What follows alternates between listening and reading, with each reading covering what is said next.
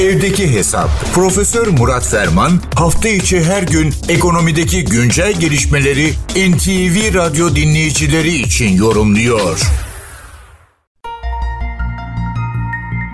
Fed'in yılın ilk beklenen faiz kararı açıklandı ve beklentiler dahilinde 25 bipslik bir faiz artışı kararı deklare edildi. Tabii bu deklarasyonun hemen ardından Fed Başkanı'nın konuşma ve sorulara verdiği cevaplar da önemliydi. Dilerseniz bunlardan satır başlarına aktaralım ama sadece günün manşeti bence bundan ibaret değil. Arka plana da bakmakta fayda var.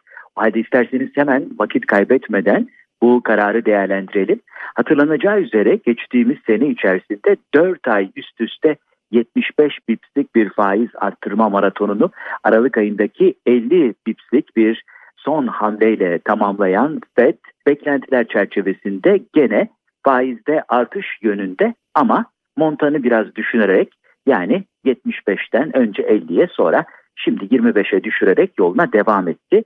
Ve Powell'ın yani Fed Başkanı Powell'ın kısa konuşmasında da şu anlaşıldı. Bundan sonra da en az bir müddet boyunca faiz arttırımı uygun görülecek appropriate kavramıyla ortaya çıkıyor ve gelişmeler takip edilecek. Sonuç almaya başladık dedi başkan ancak tam manasıyla emin olmadan iki hedefi sadece realize edilip ondan sonra tamamen durmaktan ziyade bunun en azından öngörülebilir bir gelecekte kalıcı olacağına dair emareler ortaya çıkmadan bu işlemi sonuçlandırmayacağız dedi. Yani kuvvetli antibiyotik tedavisinin sonuç almasını bekliyorlar ama özellikle mal kesiminde enflasyonun aşağı yönlü gidişatını izlediklerini, konut kesimini de radar altında tuttuklarını söylüyor. Tabii e, bu şekilde anlaşılıyor ki Fed e, Şahin söyleminden taviz vermemiş ve en azından Haziran ayına kadar yukarı yönlü hareketler beklenilebilir. Piyasalar ilk önce tabii olumlu bir reaksiyon verdiler ama istenilen tınılarda olmadığı için yeteri kadar güvercin olmadığı için gene anlaşılıyor ki işte o hep söylediğimiz bu senenin ilk 6 ayı ilk iki çeyreği konusunda bir senaryo değişikliği yok. Ondan sonraki yarıya bakmamız lazım. Esas önemli olan tabii bu çerçeve arkasında devam eden bir başka tartışma. Bugün Başkan Biden'la Cumhuriyetçi Parti'nin Kongre Başkanı, Cumhuriyetçi Parti'den Kongre Başkanı McCarthy'nin bir görüşmesi var. Neyi görüşecekler? Amerika Birleşik Devletleri'nde işler finansal denge bakımından, e, mali denge bakımından hiç iyi değil. 31.4 trilyon dolarlık harcama tavanını, ABD borçlanma tavanı daha doğru bir tabirle an itibariyle Amerika Birleşik Devletleri hükümeti 130 milyar dolar aşmış durumda.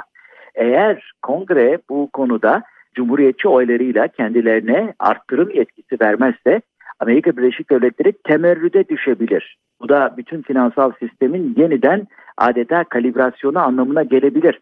Bu durumun ne zaman olduğuna dair şöyle bir göz attım. 1971'de temerrüde düşürülmüş. 1971 yılı enteresan bir yıl. Temerrüde düşen Amerika Birleşik Devletleri biliyorsunuz altın dolar bağlantısını kesip TEV tamamen yepyeni bir düzenin ortaya çıkmasını sağlamış. Bir de 1979'da bu duruma gelinmiş. Orada da meşhur 80 krizi ve sonrası ortaya çıkmış. O bakımdan daha evvelki beyanatlarına ilaveten 19 Ocak'ta Hazine Bakanı Yellen eski biliyorsunuz Fed Başkanı kongreye bir mektup gönderdi. Tavanı arttırın olağanüstü önlemleri uygulama zamanıdır dedi.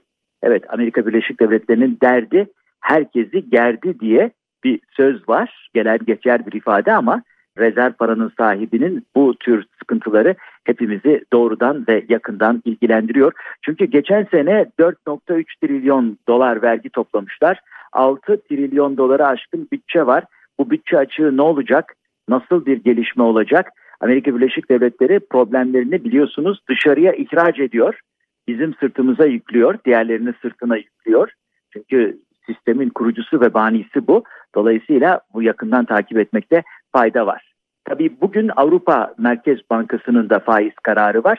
Dün açıklanan enflasyon verileri 8.9 beklenen enflasyonda 8.5'luk bir daha görece iyi bir rakama işaret ediyor. TÜFE'de Ocak ayında 0.4 azalmış.